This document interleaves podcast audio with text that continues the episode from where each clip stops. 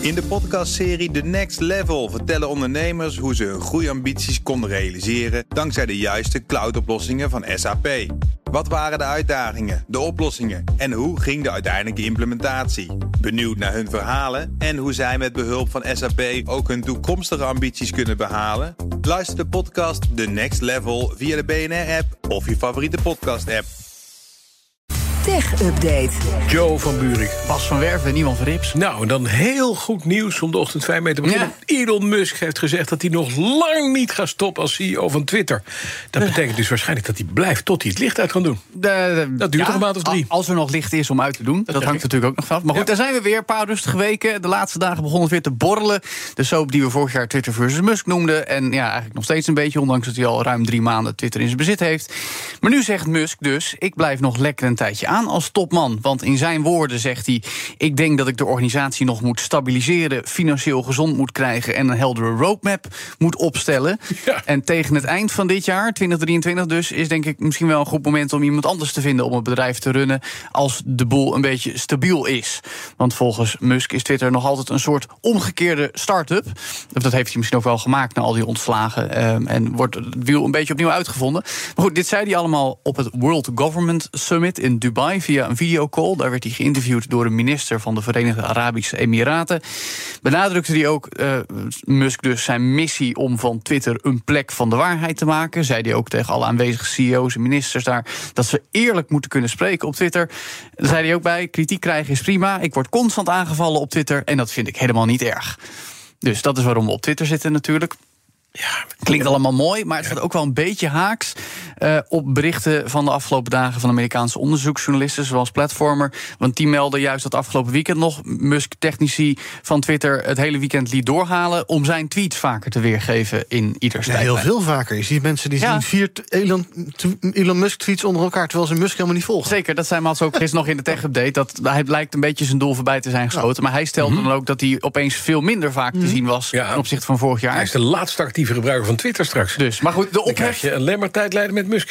oh, dat is pas een rare tijdlijn. No. Maar goed, uh, het staat wel haaks op wat we een paar maanden geleden nog vertelden. Toen hij zei, ja, ik ga een nieuwe CEO zoeken. En iedereen zei, oh kijk, hij gaat weg. Hij gaat nog lang niet weg. Nee. Dus...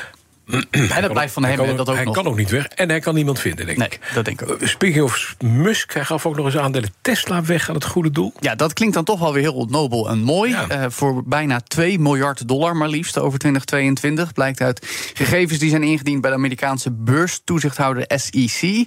Alleen, we weten niet welke organisaties van die giften hebben geprofiteerd. Alleen dat er in de tweede helft van vorig jaar 11,6 miljoen aandelen Tesla zijn weggegeven.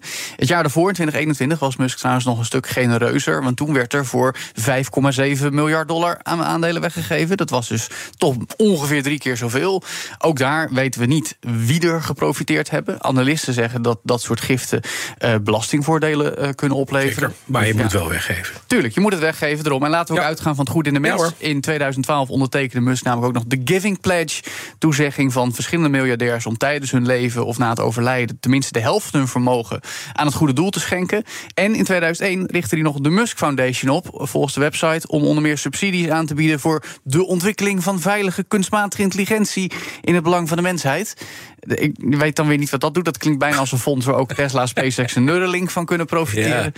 Ja. Uh, maar goed, uh, momenteel bezit Musk trouwens nog steeds 13% van Tesla. Ik ben benieuwd hoe hij dat was. Veel, veel meer. Grote kritiek is dat hij er langzaam uit begint terug te trekken. Ja, Dit dat, soort uh, blijft hobby's financiert. Even ja, over AI gesproken.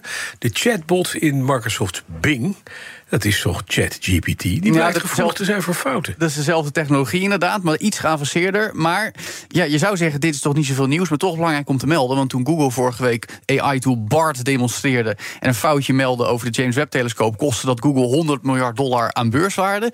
Maar in de demonstratie van Microsoft met Bing... met die technologie van uh, GPT... Uh, zaten ook grove fouten, stelt software-engineer Dimitri Brereton in een onderzoek.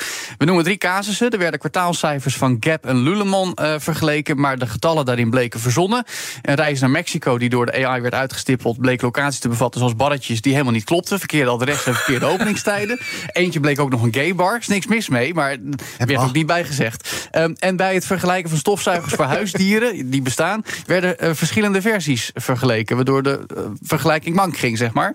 Microsoft erkent ook dat deze fouten in uh, de AI-tool zitten tegenover de Verge. En zegt we verwachten dat het systeem nu in de previewperiode nog veel fouten maakt. En van de feedback kunnen we leren. Dat is belangrijk om het systeem beter te maken. Dus wij hebben trouwens hier bij BNR ook al toegang tot Bing met AI. Ivan ja. en ik hebben er gisteren -hmm. even meegespeeld. Ivan, wat was je korte impressie? Ja, ik kon hele rare dingen kreeg je eruit. Dingen die niet klopten. Ik geloof dat Mark Rutte was de premier van Duitsland geworden. En allemaal uh, mm -hmm. ja. ja, heel typische dingen. Dat is heel belangrijk voor je werkstuk op school. Ja. Onze collega Daniel Mol wist er trouwens ook al een Vlaamse dronkenlap van te maken. Hoe dat dan weer zit, hoor je vanmiddag. Vlaamse dronkenlap? Ja, zeker. Nou, gewoon van de AI in Bing. Door gewoon um, dingen te vragen. En dan kun je me zo aanspreken. En vervolgens hield hij niet meer op. Oké. Okay. En, ja. en, wat is er mis met die gay bar in Mexico? Er is helemaal niks mis mee. Ja, hij gaf die informatie niet over waar je allemaal naartoe ging. Als nee, jij, nee. Ik wil hier naartoe op vakantie. Wil je toch weten waar je allemaal langs gaat, zou ik zeggen. Leuk, zou je met je gezin met alle koffers voor de gay bar. Dat dus. moet je uitleggen. Ja, dat, ja. sommige mensen vinden dat gezellig. Maar goed, vanmiddag, vanmiddag in BNR Digitaal om drie uur dus ook een demonstratie... van wat de AI in Bing oh, jee. kan. Ik ben benieuwd. Met een Vlaamse donklap? Uh, dat uh, ja. moet hij van Daniel uh, vragen. Dankjewel, Johan Buurik. De BNR Tech Update wordt mede mogelijk gemaakt door Lenklen. Lenklen. Betrokken expertise, gedreven resultaat. In de podcastserie The Next Level vertellen ondernemers hoe ze hun groeiambities konden realiseren dankzij de juiste cloudoplossingen van SAP.